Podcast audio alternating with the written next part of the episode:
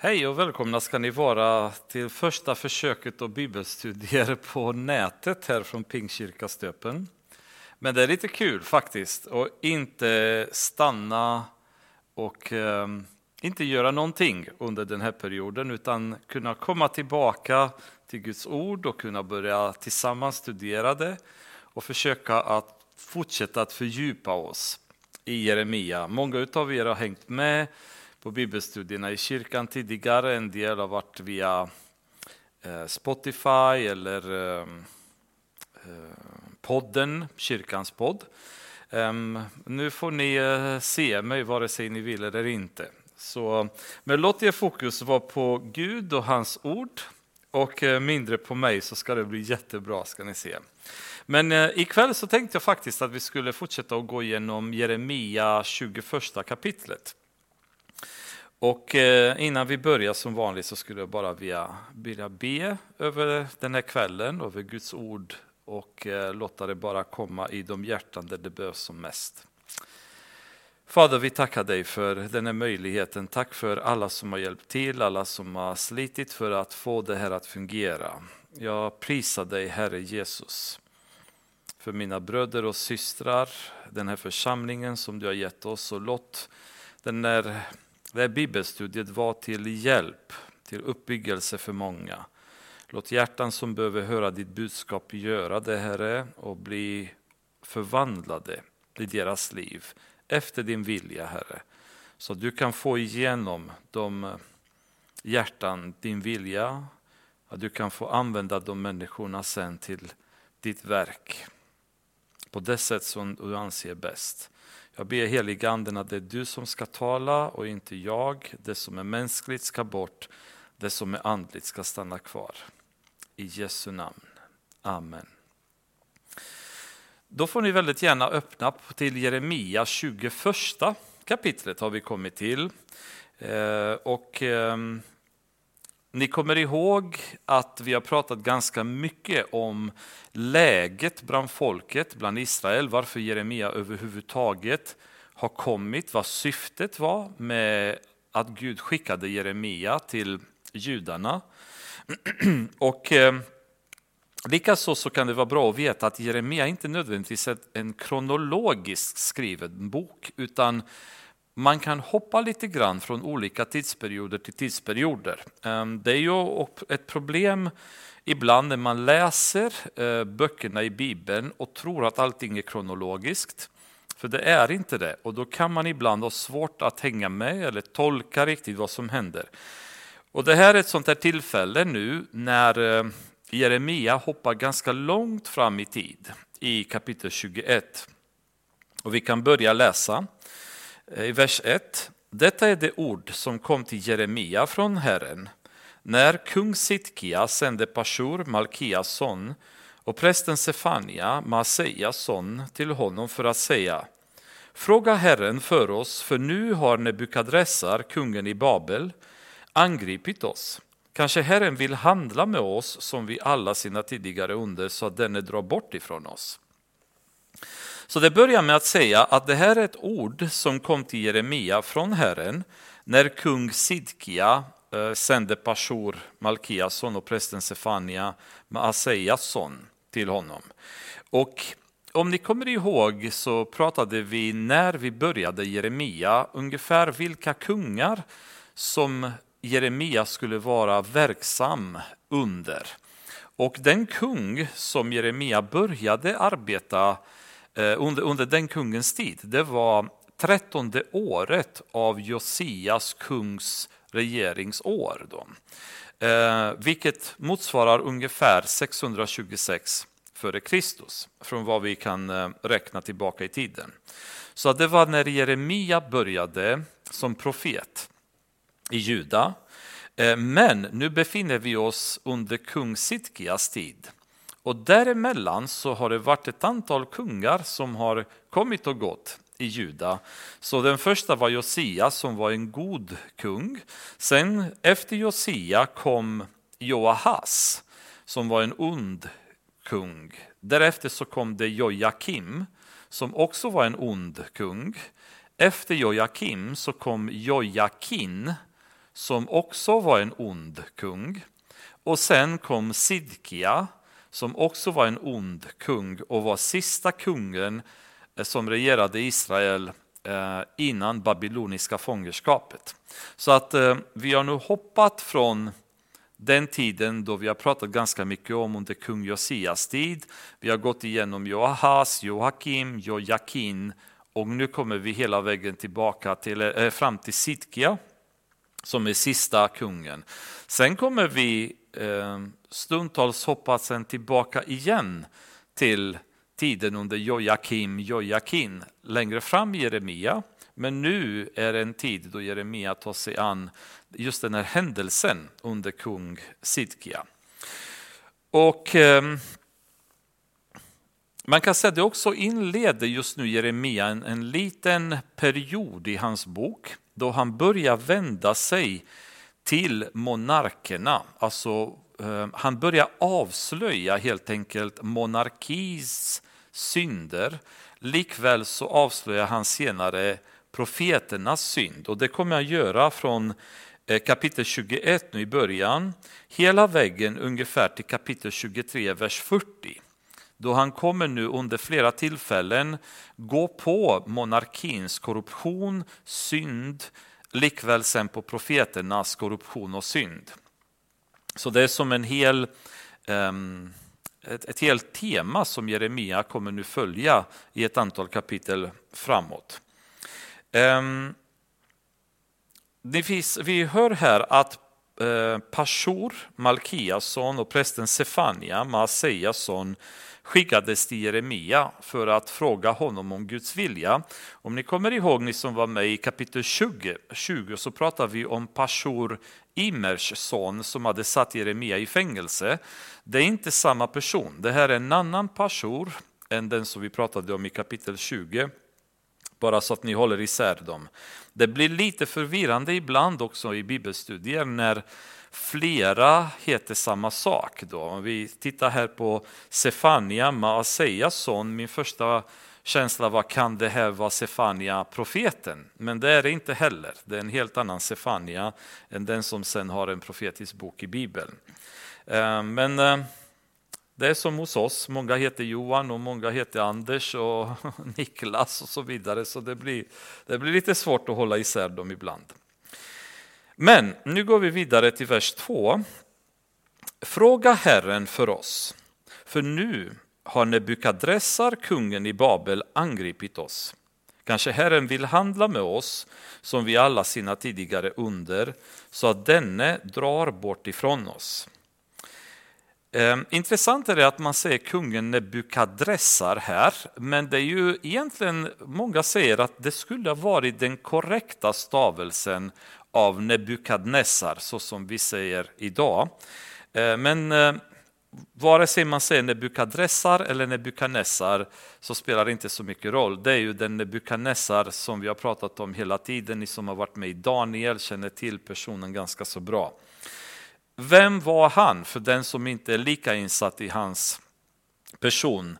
Ehm, 626, och det är samma år som Jeremia har börjat bli verksam ehm, under Josias eh, regeringsår, 13 regeringsår, så kom det en ny kung som tog över den, eh, det babyloniska riket som heter Nabopalassar. Och i och med Nabopalassars eh, intag av makten kan man väl säga så började den era som man kallar historiskt idag den neobabyloniska eran, det neobabyloniska imperiet. Då kaldéerna började nu resa sig som ett väldigt starkt folk och ehm, ett hot för de som på den tiden var lite större imperier och det var Egypten och Assyriska imperiet.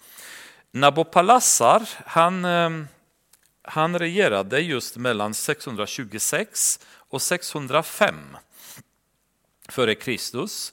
Och 605, samma år sen, så började hans son Nebukadnessar att regera i Babylon. Och samma år så hade han redan med sina arméer invaderat Juda, tagit väldigt många fångar, eh, tagit dem in till eh, till Babylon. En av de fångar som togs i den, eh, den vevan, det var Daniel. Och återigen, vi har gått igenom hela Danielboken, ni känner ju till berättelsen. Men det var under 605 f.Kr. då Daniel togs till fånga, hamnade i Babylon. 595, 97 f.Kr. så kom Nebukadnessar tillbaka och återigen plundrade Juda och tog massa fångar och en av dem som togs till fånga under den tiden det var Hesekiel, profeten då, som kom till Babylon. Så Hesekiel och Daniel ehm, de var samtida med varandra kan man väl säga under Babylon, babyloniska fångenskapen från 597 framåt. Ehm, där vi befinner oss idag, det är någonstans runt år 586 när Nebukadnessar nu är tillbaka och denna gång är han på riktigt, riktigt dåligt humör och han tänker inte bara ta några fångar och plundra lite grann. Nu ämnar han att fullständigt tillintetgöra Jerusalem. Han är irriterad över att eh, judarna inte har respekterat de avtal han har haft med dem. De har försökt att gå bakom ryggen på honom, alliera sig med egyptierna och så vidare. Han är ju tillbaka nu och är beredd att eh, totalt förstöra kan man säga Jerusalem. Och just nu omringar hans arméer Jerusalem och belägrar staden. Just denna händelse har varit profeterat utav Jeremia jättemånga gånger och ni kommer ihåg att vi har gått igenom många profetior i de kapitel som vi har läst där Jeremia eh, åtskilliga gånger varnar för fienden från norr som kommer att komma och eh, förinta staden, förstöra staden, döda människorna och så vidare. Eh, profeterna, etablissemanget på den tiden, de såg honom som bara en galning, en eh, land, ett landsförrädare eller falsk profet. Ingen ville tro på vad han sa. Men nu är vi i verklighet vid uppfyllelsen av den profetia som Jeremia har haft hela tiden. Där han har sagt att på grund av er synd, att ni inte omvänder er, så kommer Gud låta ett stort straff komma över er. Nu står babyloniska arméerna runt omkring staden när Bukadnessar belägrar staden. Och Sitkia nu bestämmer sig att skicka de här två personerna till Jeremia för att fråga huruvida Gud kanske ändå kommer rädda dem. Egentligen så borde han inte ha skickat några därför att Gud har redan sagt tidigare i profetier som Jeremia hade uttryckt att han kommer inte att rädda dem. Att det här är bestämt och ingenting kommer att få honom att ångra sig.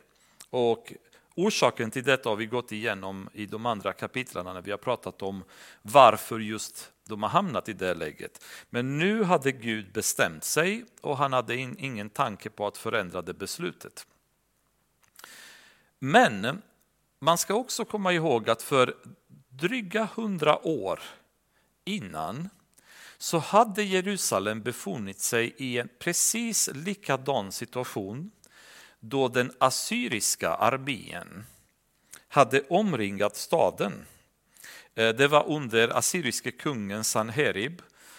De omringade staden och eh, då utförde Gud ett otroligt mirakel där under en natt Guds eh, ängel, eller Herrens ängel, hur det beskrivs i Andra Kungaboken, 19 kapitel, vers 35 och 36. På en natt, en ängel dödade 185 000 assyrier, vilket resulterade i att hela assyriska armén bestämde sig att vända på klacken och gå hem. Så utan att liv gick till spillo, utan att staden förstördes, utan att några som helst problem uppstod, så utförde Gud ett mirakel. Och nu befinner de sig i samma läge, denna gång dock Nebukadnessar och kaldéerna som omringar staden. Så man kan förstå att Sitkia lite grann kanske kände att Gud kanske kommer göra ett mirakel igen. Han kommer kanske hjälpa oss denna gång så som han har gjort förr. Men frågan är också lite grann, skulle jag säga, lite oärligt ställt kanske till Jeremia, därför att Jeremia har varit väldigt klar med de besked han har gett kungarna.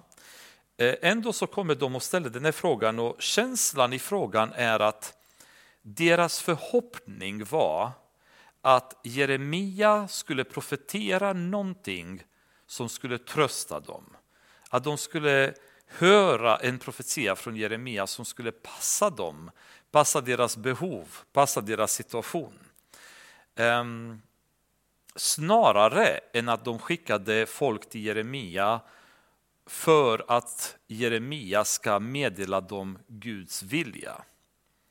För allt som oftast så visade det sig att de ville höra vissa saker och hoppades höra vissa saker och när de inte hörde så blev de irriterade. Ni kommer ihåg kapitel 20 när de satte Jeremia eh, i fängelse därför att han inte hade sagt vad de ville att han skulle säga.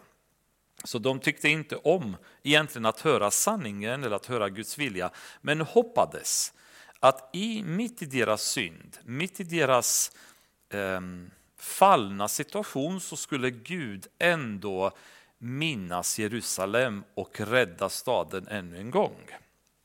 Och därför skickar de nu eh, folk till Jeremia i hopp att Jeremia skulle säga till dem allt är bara bra, fortsätt som ni gör. För det är det profeterna hela tiden sa eh, till kungarna att eh, det är ingen fara med Nebukadnessar, det är ingen fara, Gud kommer beskydda vår stad.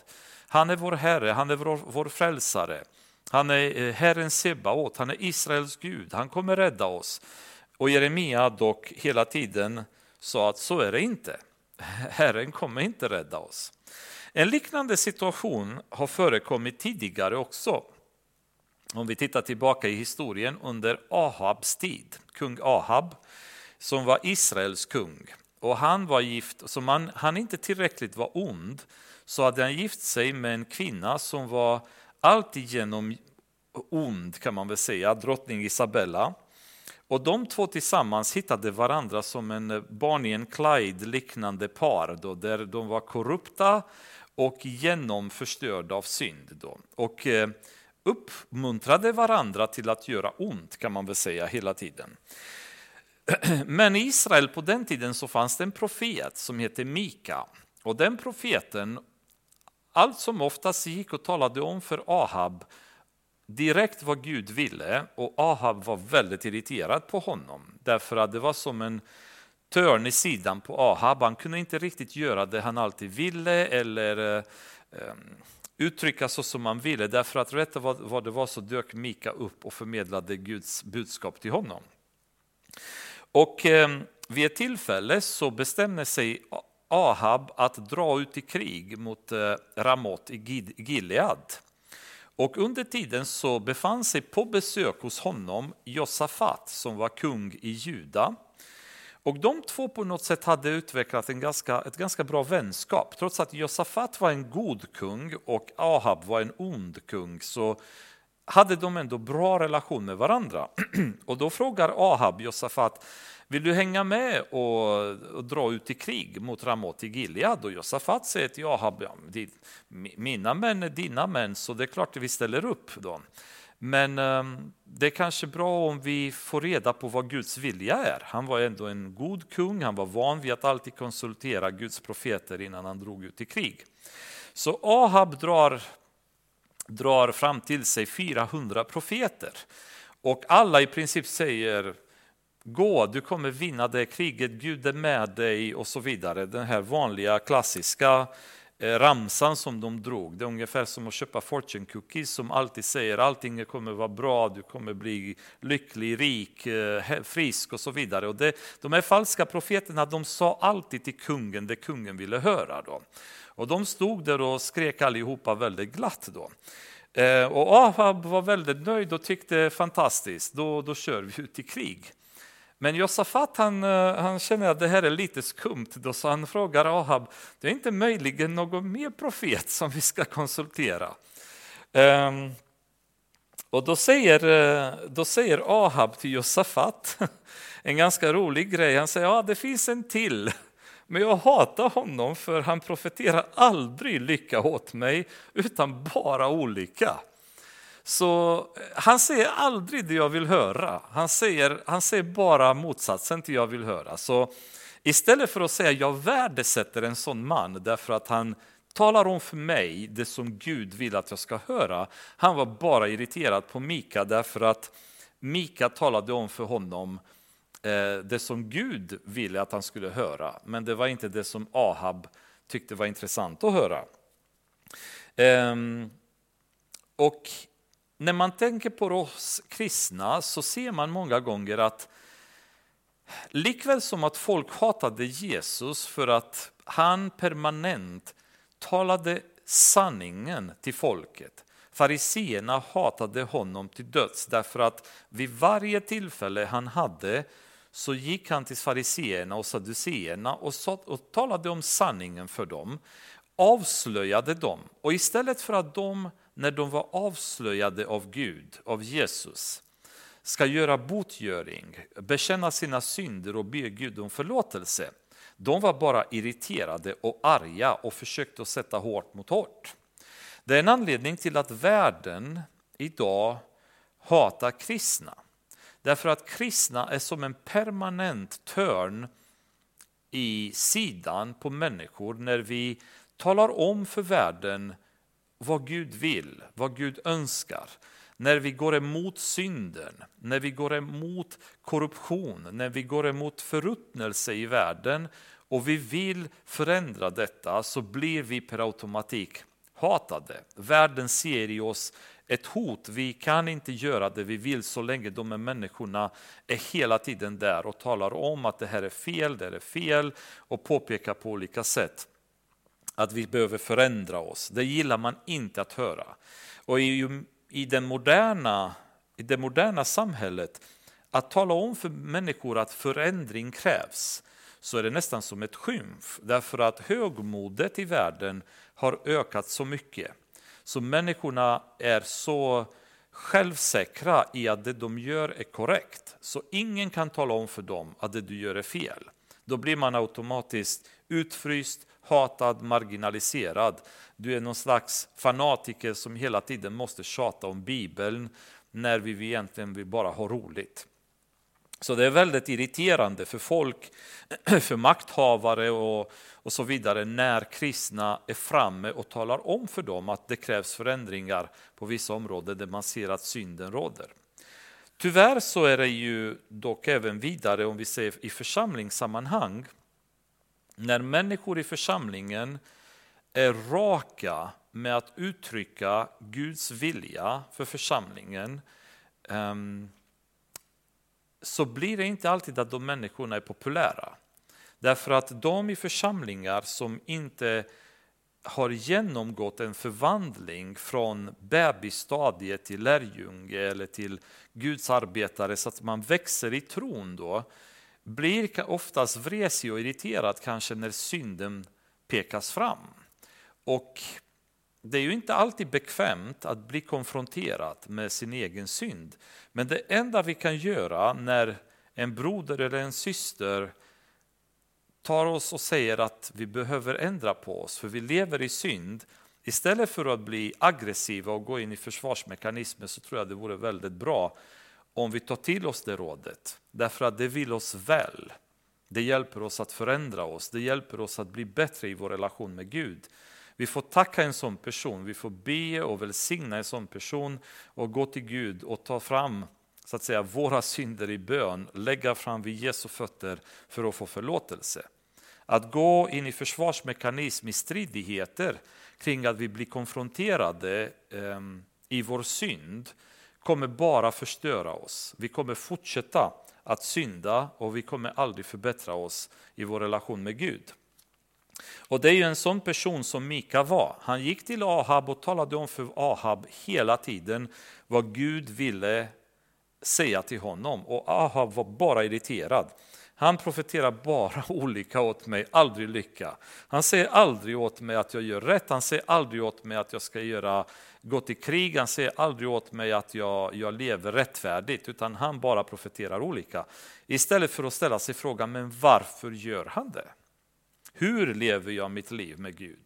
När Jeremia har ropat från Josias tid under Joahas och Joakim och Jojakin och Sidkia och ropat och ropat och ropat mot synd så borde kungarna ha ifrågasatt sitt beteende och sagt varför är den här gudsmannen hela tiden på mig och talar om för mig att jag syndar?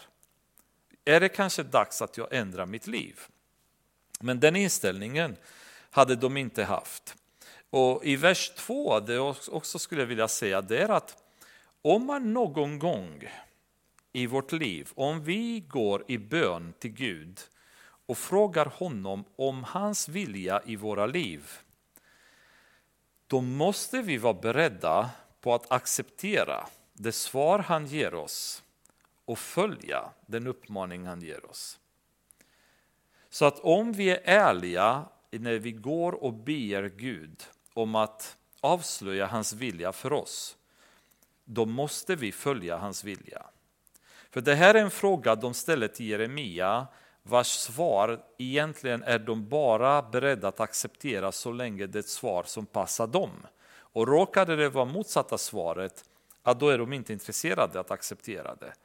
Så det är kanske ingen idé och det är kanske lite hyckligt att gå och ställa frågor till Gud om vi inte är beredda sen att ta det svar vi får och följa det och göra så som man säger att vi ska göra.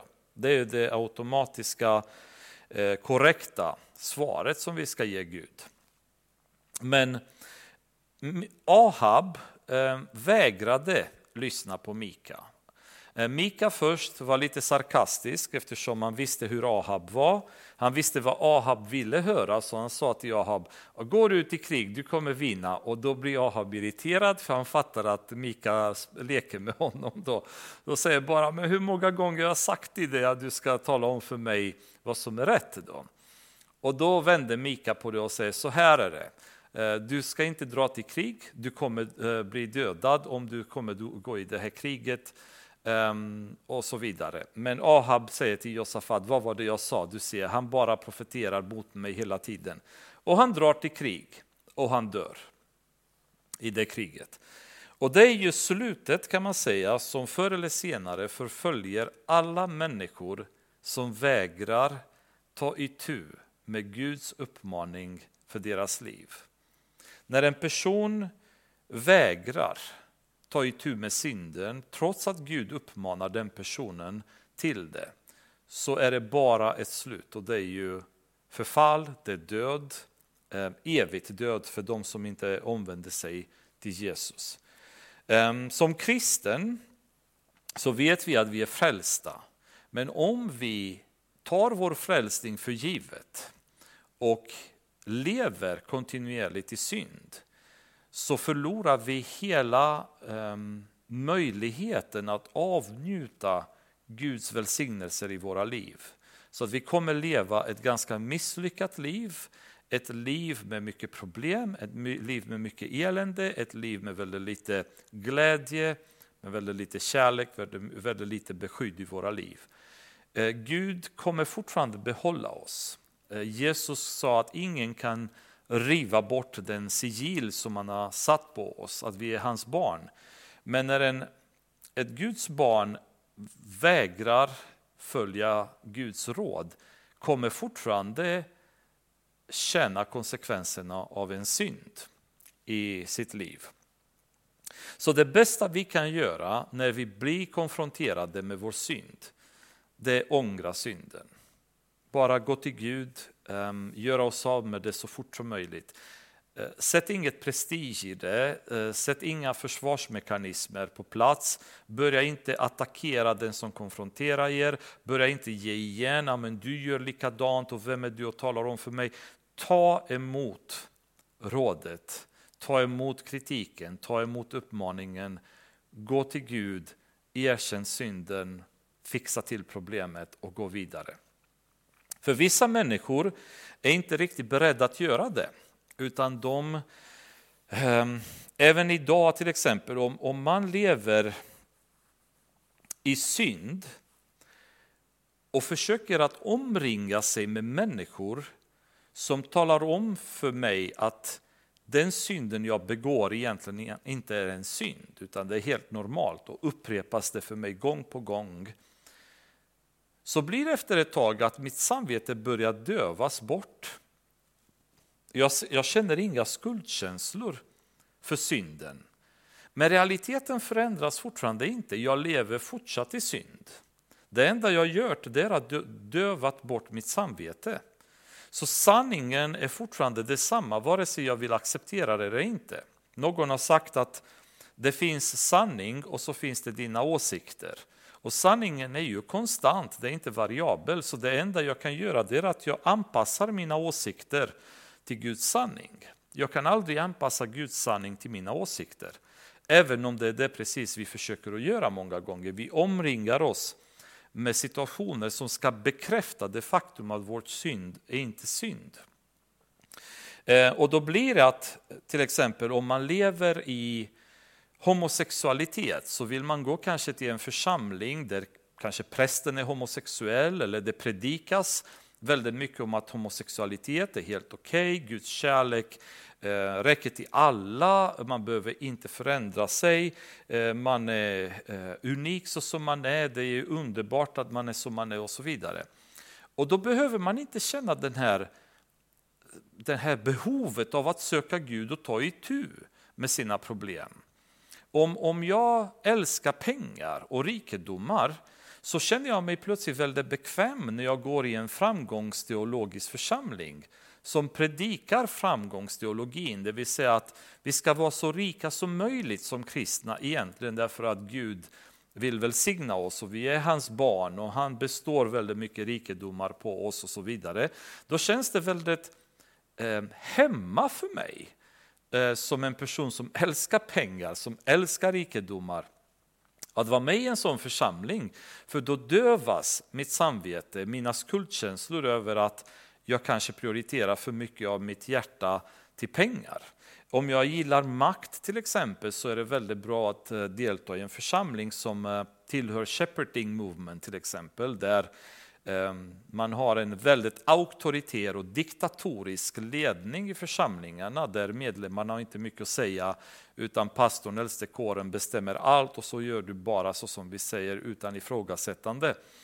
Då passar det mig väldigt bra. Ehm, en sån församling kommer ehm, döva bort skuldkänslorna som jag har på grund av mitt maktbegär.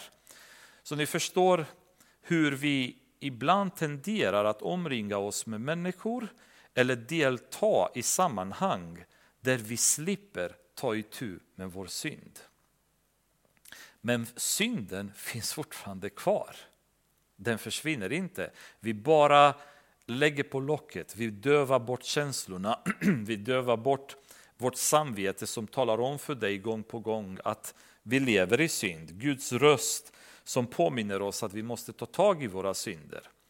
Eh, men det enda vi gör det är att likt judarna, vi går steg för steg mot undergång genom ett sådant beteende. Ehm, det är underbart dock när en församling är kärleksfull och tar hand om synden i församlingen. När vi ser att folk lever i synd så ska vi inte ignorera detta, för att då älskar vi inte de människorna. Om vi bara vänder dem ryggen och säger att ja, det är deras problem, det är deras liv. Det är inte rätt att vi ska leva på det sättet som kristna. Paulus uppmanar eh, Timoteus i andra Timoteusbrevet, fjärde kapitlet, vers 2. Och han säger så här, träd fram i tid och otid, bestraffa, tillrättavisa, och förmana med allt tålamod och all undervisning. Varför?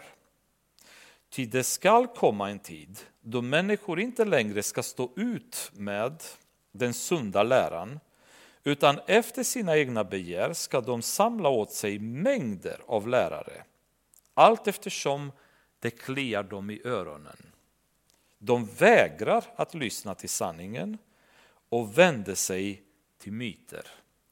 Av den anledningen säger Paulus till Timoteus, sluta inte tillrättavisa, undervisa och förmana.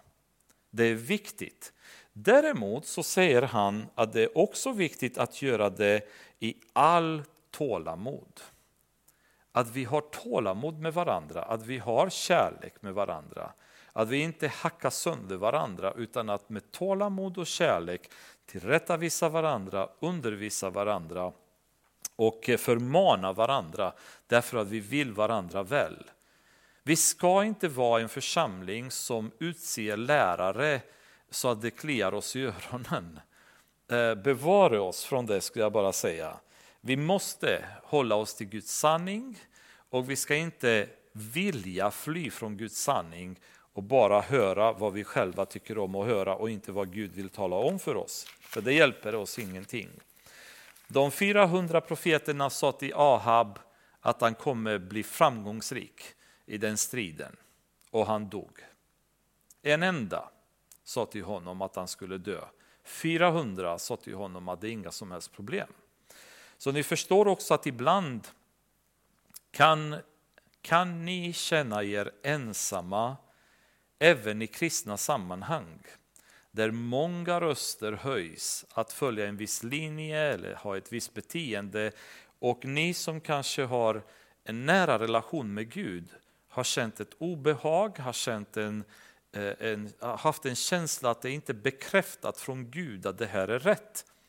Men er röst eller, eller, eller era åsikter drunknar i ett hav av åsikter och röster som säger det motsatta. Då säger jag, ge inte upp. Om ni är säkra i ert hjärta att Gud har talat om för er det, så stå fast vid det. Sök Herren i all ärlighet och håll er nära hans vilja, för det är något han kommer välsigna i slutändan. Hela Jeremia-boken är full med rop mot ett sådant beteende. Och det har han gjort från början ända till eh, nu när vi befinner oss i Sidkias tid. Då.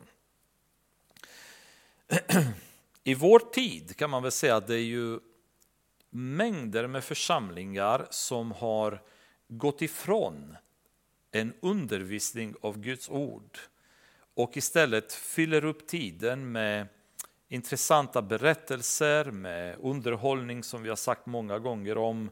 Um, predikningar som inte särskilt är matgivande till medlemmarna.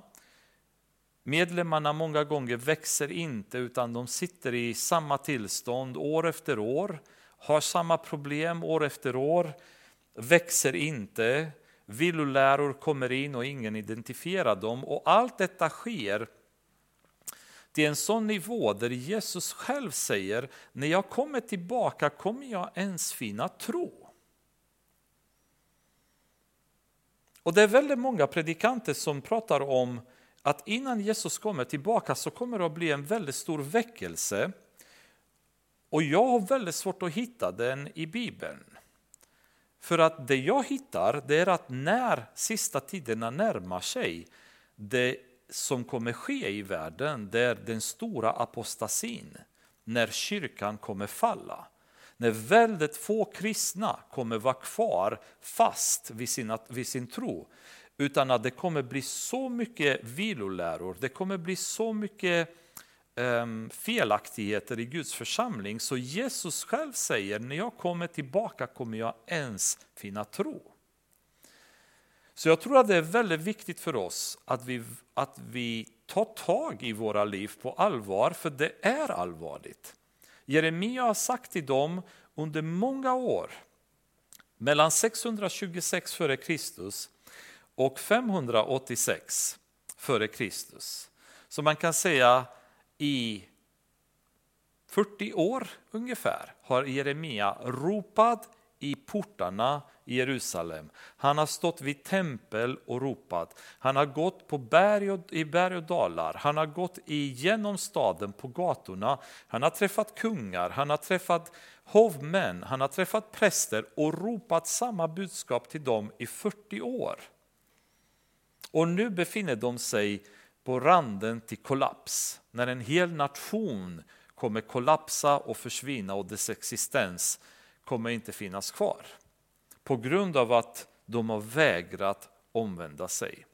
Och, och Jesus varnar oss också, och apostlarna varnar oss för apostasin som kommer in i församlingarna.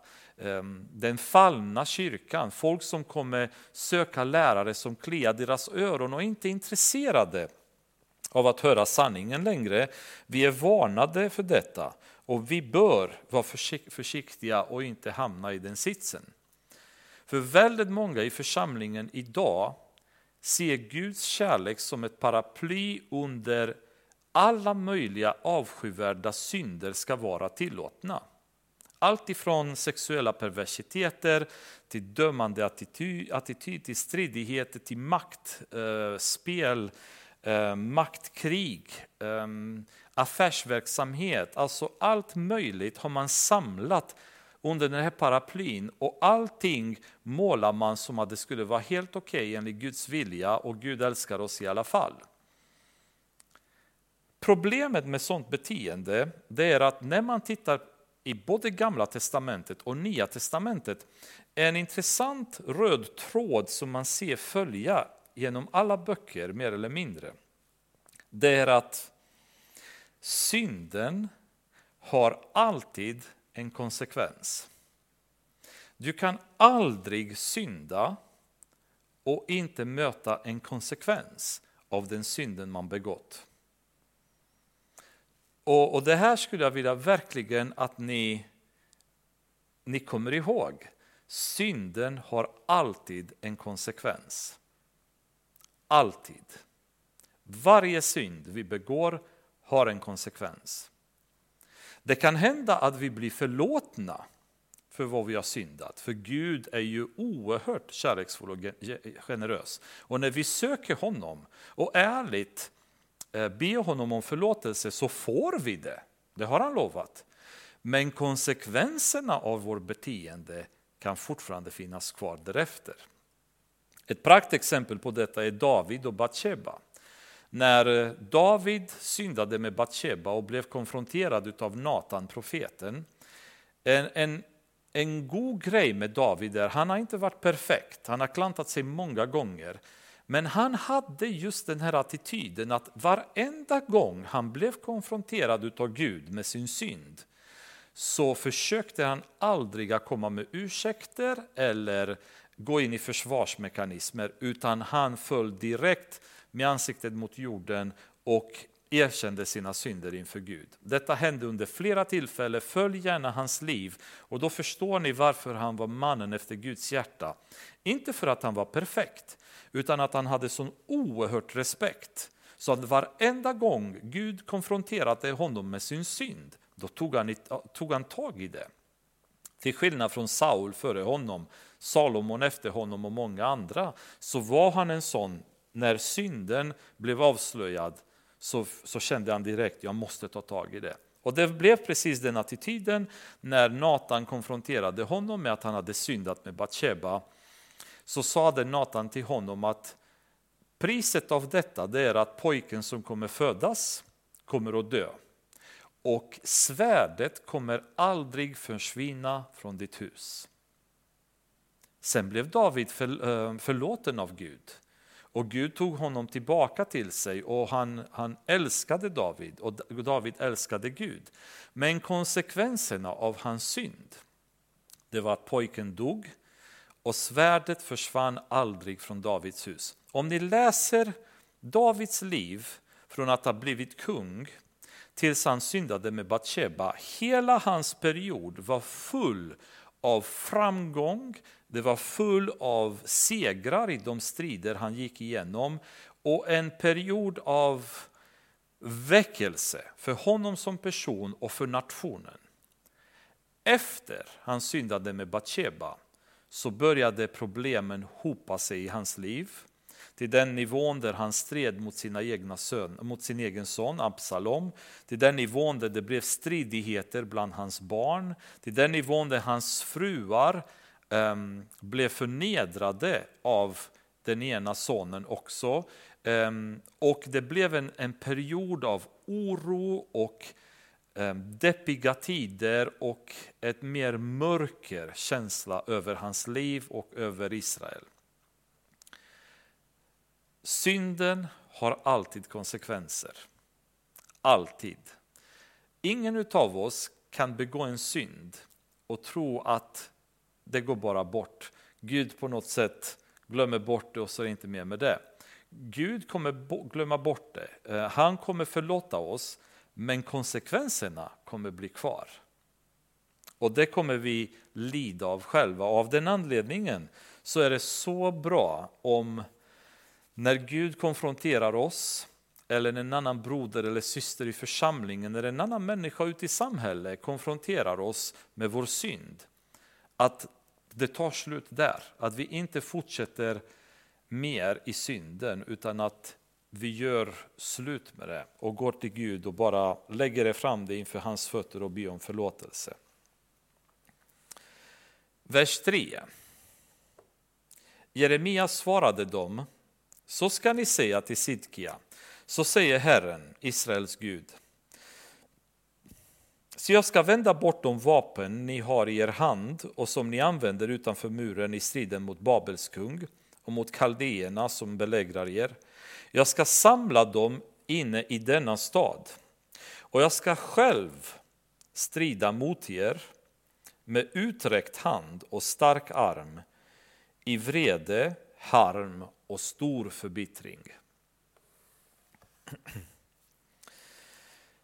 Den här gången så kommer Israel inte bara strida mot sina fiender. Utan nu säger Gud, jag ska strida mot er. Och vilken annorlunda sits det här är för dem att hamna ansikte mot ansikte med Guds vrede när de tidigare hade varit bortskämda med att alltid ha Gud på sin sida. Och genom att ha haft Gud på sin sida så har Israel upplevt några otroliga mirakel i sin historia när Guds hand räddade dem mirakulöst i situationer då allting var förlorat. Ni kommer ihåg Röda havet bara som en av de första stora när egyptierna förföljde dem och, och, de lyckas gå genom havet, Gud stänger ner havet över hela egyptiska armén och alla dör och de klarar sig Israel. Eh, vilket mirakel! Vilket mirakel! De fortsätter genom öknen i, i knappt 40 år och kommer till Jerikos murar. Och det enda de behöver göra det är marschera runt murarna och alla murarna faller ner. Guds hand är med dem mirakulöst. Ehm, Vidare kan man säga så kommer ni ihåg, ni som har lyssnat på bibelstudierna om Gideon och Moabiterna. När Gideon med 300 man eh, lyckas att, för, eh, att tillintetgöra en armé. För eh, vad var det? de beskrivs som gräshoppor i princip över marken. Alltså en, många tiotusentals soldater som blev förintade av 300 utan att Gideon förlorade en enda man. Mirakulöst, därför att Gud var med dem, han styrkte dem. Jonatan och hans vapenbärare när filistierna var i krig med Israel. Två personer klättrar upp till filistiernas armé och lyckas besegra hela filistiernas armé tack vare Guds hjälp. Han var med dem hela tiden.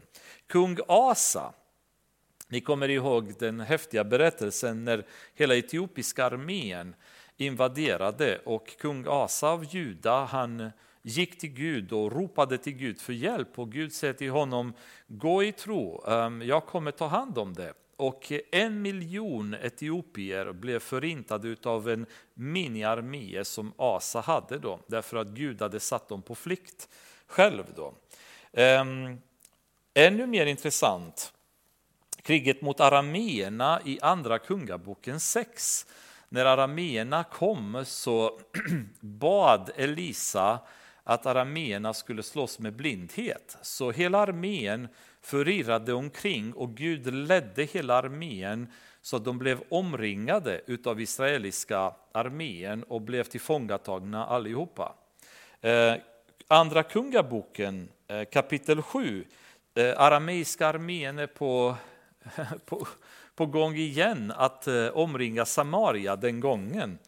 Och eh, under natten så skickar Gud en, en, eh, en ande av förvirring bland dem. Så de börjar slåss med varandra och ta död på varandra. Så dagen efter, två spetälska män som var där och vandrade omkring hittade hela armén eh, i princip liggande på marken döda, fulla med ja, allt möjligt, guld och mat och allt sånt som var brist på i Samaria på den tiden.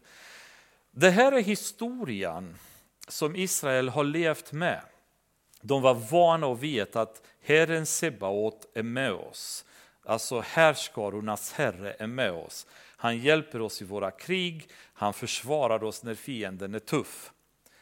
Vad de däremot inte hade förstått, det är att på grund av deras synd så hade nu Herrens hand tagits bort ifrån dem. Och nu Herren som tidigare sa, jag är med er, jag går före er. När Josua gick in i Kanaan så sa Herren till honom, jag går före er. Jag kommer skicka getingar över landet, jag kommer skicka eh, plågor över dem så att jag, jag fösar dem undan för er redan innan ni kommer in i landet. Det var det sättet Herren jobbade med dem förut. Nu säger Herren, nu är det jag som är emot er. Det är en helt annan, eh, en annan situation. Nu finns det inget hopp. Så en, en människa som fortsätter att leva i synd, trots Guds uppmaningar, trots Guds varningar, förr eller senare får han Gud emot sig. Och det är en tragedi och det är en, eh, en stor sorg och hopplöshet som drabbar en människa som, för, som får Gud emot sig. För vem kan hjälpa oss då? Om Gud bestämmer sig att gå emot en människa, då finns det inget mer hopp. Då är allting borta. Det finns ingen möjlig hopp. Och det är väldigt tragiskt när en nation som Juda eller människor eh, idag bestämmer sig att fortsätta i synd oavsett, eh, trots all Guds kärlek, trots all Guds varningar, eh, trots allt han gör för att kunna locka oss tillbaka till sig, så fortsätter man och lever i synd. Då finns det en, en situation då Gud vänder sig mot den personen. Och då finns det inte mycket som kan rädda en. Jag ska slå dem som bor i denna stad, vers 6, både människor och djur. I svår pest ska de dö. Därefter, säger Herren, ska jag överlämna Sidkia, judakung och hans tjänare och folket som är kvar i denna stad efter pesten, svärdet och hungersnöden i Nebukadressars, den babyloniske kungens hand och i deras fienders hand och i de mäns hand som vill ta deras liv. Han ska slå dem med svärd. Han ska inte skona dem och inte visa någon medkänsla eller något förbarmande. Och det var precis så det var. 586 det var en, eh, en väldigt, väldigt eh, irriterad Nebukadnessar kan man säga som tog över Jerusalem och jämnade hela staden ut med marken inklusive templet, allting, plundrade allt från Jerusalem och massakrerade befolkningen in i staden. Då. Till detta folk, nu vänder sig Jeremia dock till folket, ska du säga, så säger Herren, se jag förelägger er vägen till livet och vägen till döden.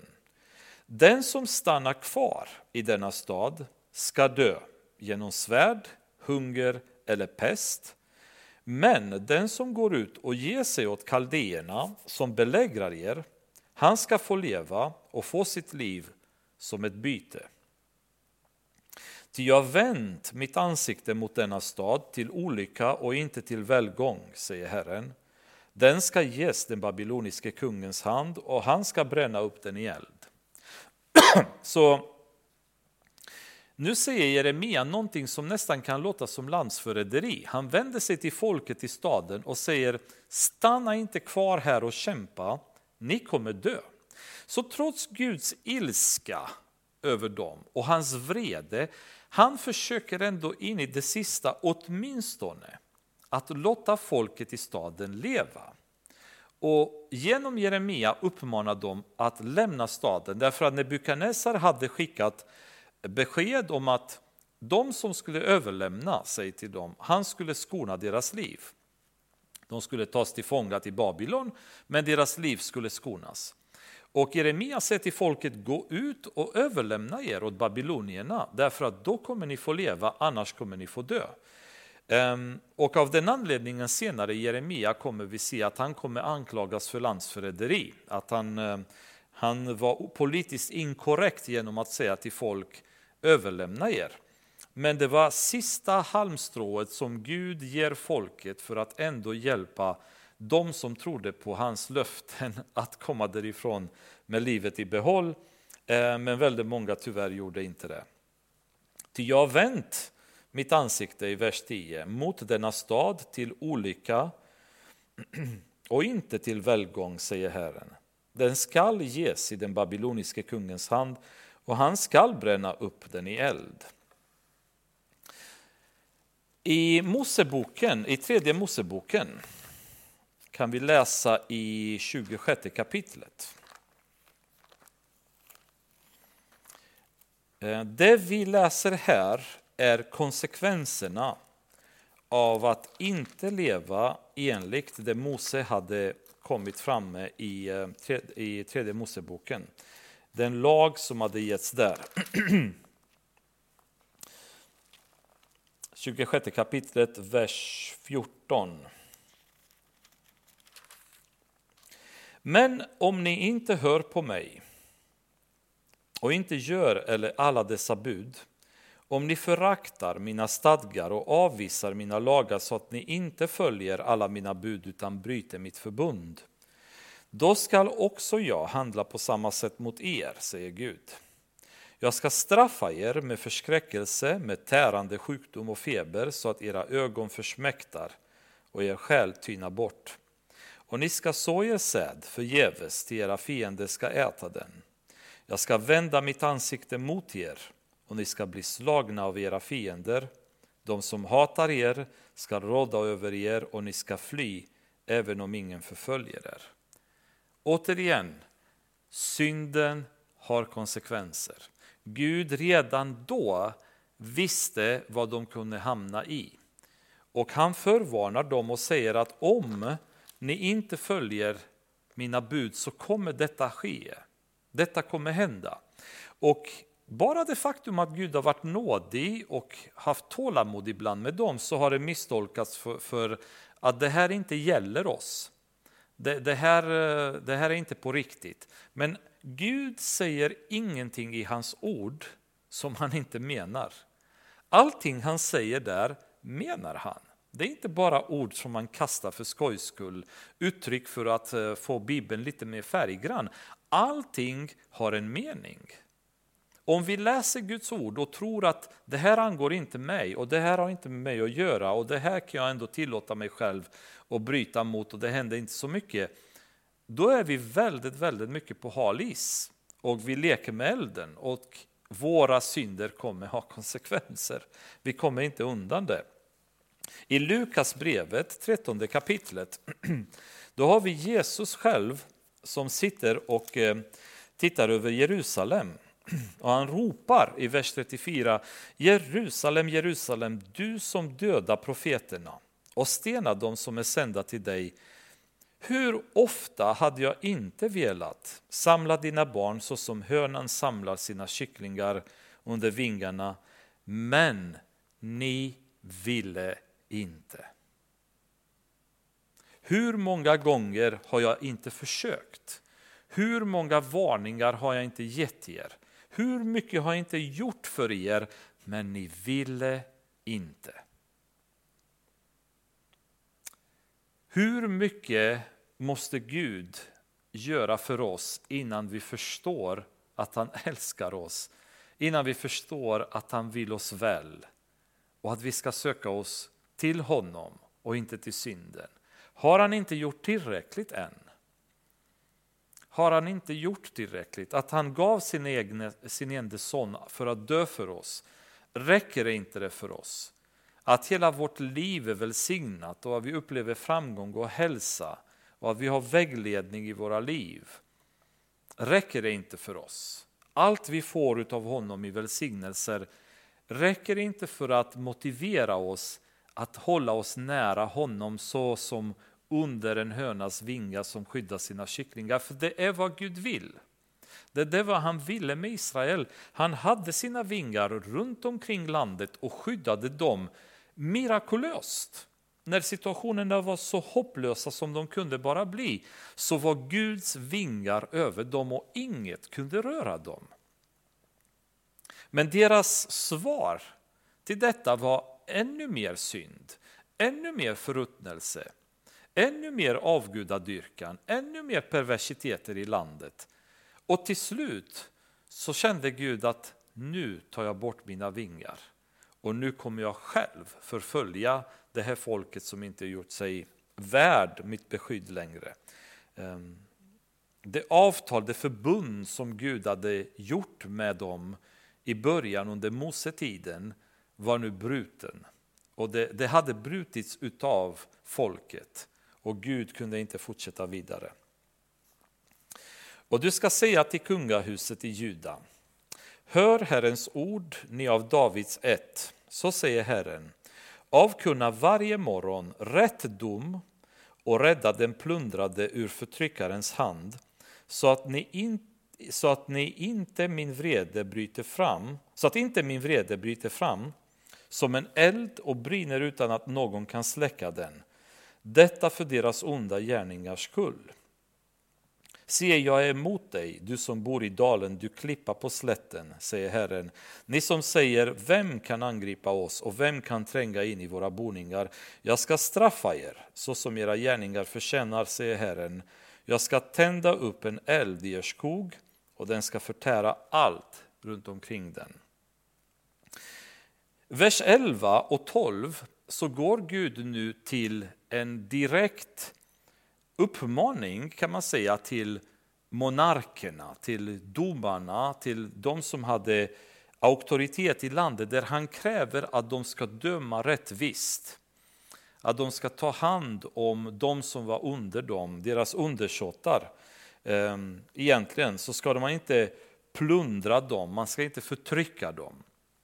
Och den här sociala rättvisa känslan är något som Gud genom hela Bibeln har uppmanat till. Han är väldigt mån om att man inte ska lura någon fattig, att man inte ska missleda någon som är sjuk, att man inte ska överge någon som är i behov av hjälp och så vidare. Så man kan säga att hela konceptet av social rättvisa är väldigt klart definierat i Bibeln utav Gud.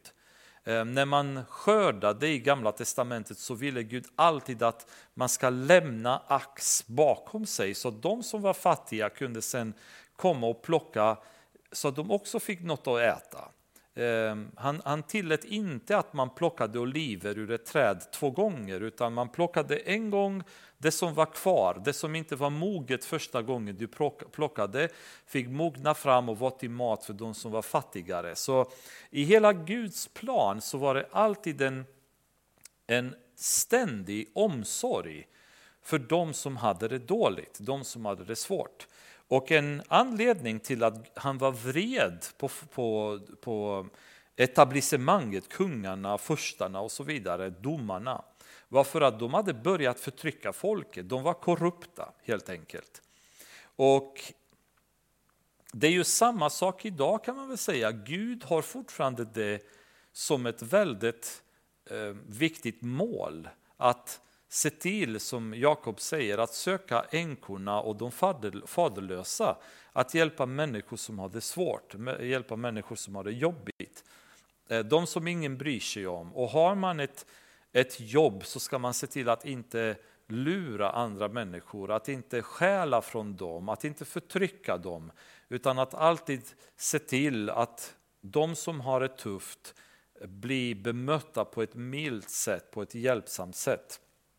Så det är väldigt det är en väldigt viktig punkt för Gud det här och eh, det har funnits i Gamla Testamentet och åter betonat väldigt starkt av Jesus i Nya Testamentet som lyfter det till en helt annan nivå av uppfattning då kanske ehm, tydligare uttryckt i och med hans liv och hans sätt att vara. Då.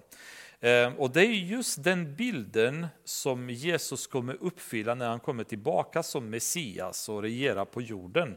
Som Jesaja beskriver, om vi vänder till Jesaja 9 kapitlet först, vers 6 och 7. Ehm, där har vi en beskrivning av Jesus när han kommer tillbaka för att regera över jorden. Och han beskrivs så här. Ty ett barn blir oss fött, en son blir oss given, på hans axlar vilar herradömet och hans namn är under, rådgivare, mäktig Gud, evig fader, frids furste. Så ska herradömet bli stort och friden utan slut över Davids tron och hans kungarike. Det ska befästas och stödjas med rätt och rättfärdighet från nu och till evig tid. Herren Sebaots nittälskan ska göra detta. Kapitel 11, vi börjar läsa från vers 4, så står det med ett skott ska skjuta, men ett skott ska skjuta upp ur Isais avhuggna stam och telning från hans rötter ska bära frukt. Över honom ska Herrens ande vila, anden med vishet och förstånd, anden med råd och styrka, anden med kunskap och fruktan för Herren. Han skall ha sin glädje i Herrens fruktan, han ska inte döma efter vad ögonen ser eller utöva lag efter vad öronen hör, utan med rättfärdighet ska han döma de fattiga, med rättvisa skaffa rätt och de ödmjuka på jorden.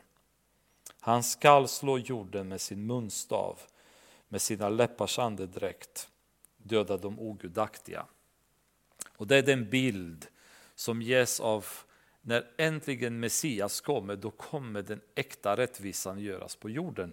Men rättvisans koncept och önskan till att leva ett sådant liv har Gud haft från Israel hela tiden och har för oss eh, även idag. Det är samma krav som ställs på oss att se till att göra rätt för oss i allt, i smått och gott. Ehm, personligen så så har det varit väldigt många delar i mitt liv där jag känt att det tar tid innan jag har lärt mig göra rätt. Men när man börjar göra rätt, då känns det bara så bra. Ehm, och med detta så skulle jag vilja avsluta för ikväll. Och ehm, sen så är vi lite mer inne på att gå in i kapitel 22 för eh, den av er som vill hänga med och hoppas att eh, det har funnits gott om mat så att ni kan tugga på. Jag skulle gärna vilja uppmana er som vill hänga med i Jeremia, gärna läs själva och samtidigt som Jeremia så läs gärna i kungaböckerna då, speciellt perioden kring kung Josia, Joahas, Jojakim, Jojakin och Sidkia. And, ehm, I kronikerböckerna likaså så finns det en hel del information om det. Så får ni lite mer sammanhang till var vi befinner oss någonstans, varför det som händer händer och eh, vad situationen i landet är. Herre, jag vill tacka dig för ikväll och tacka dig för alla som har varit med och lyssnat.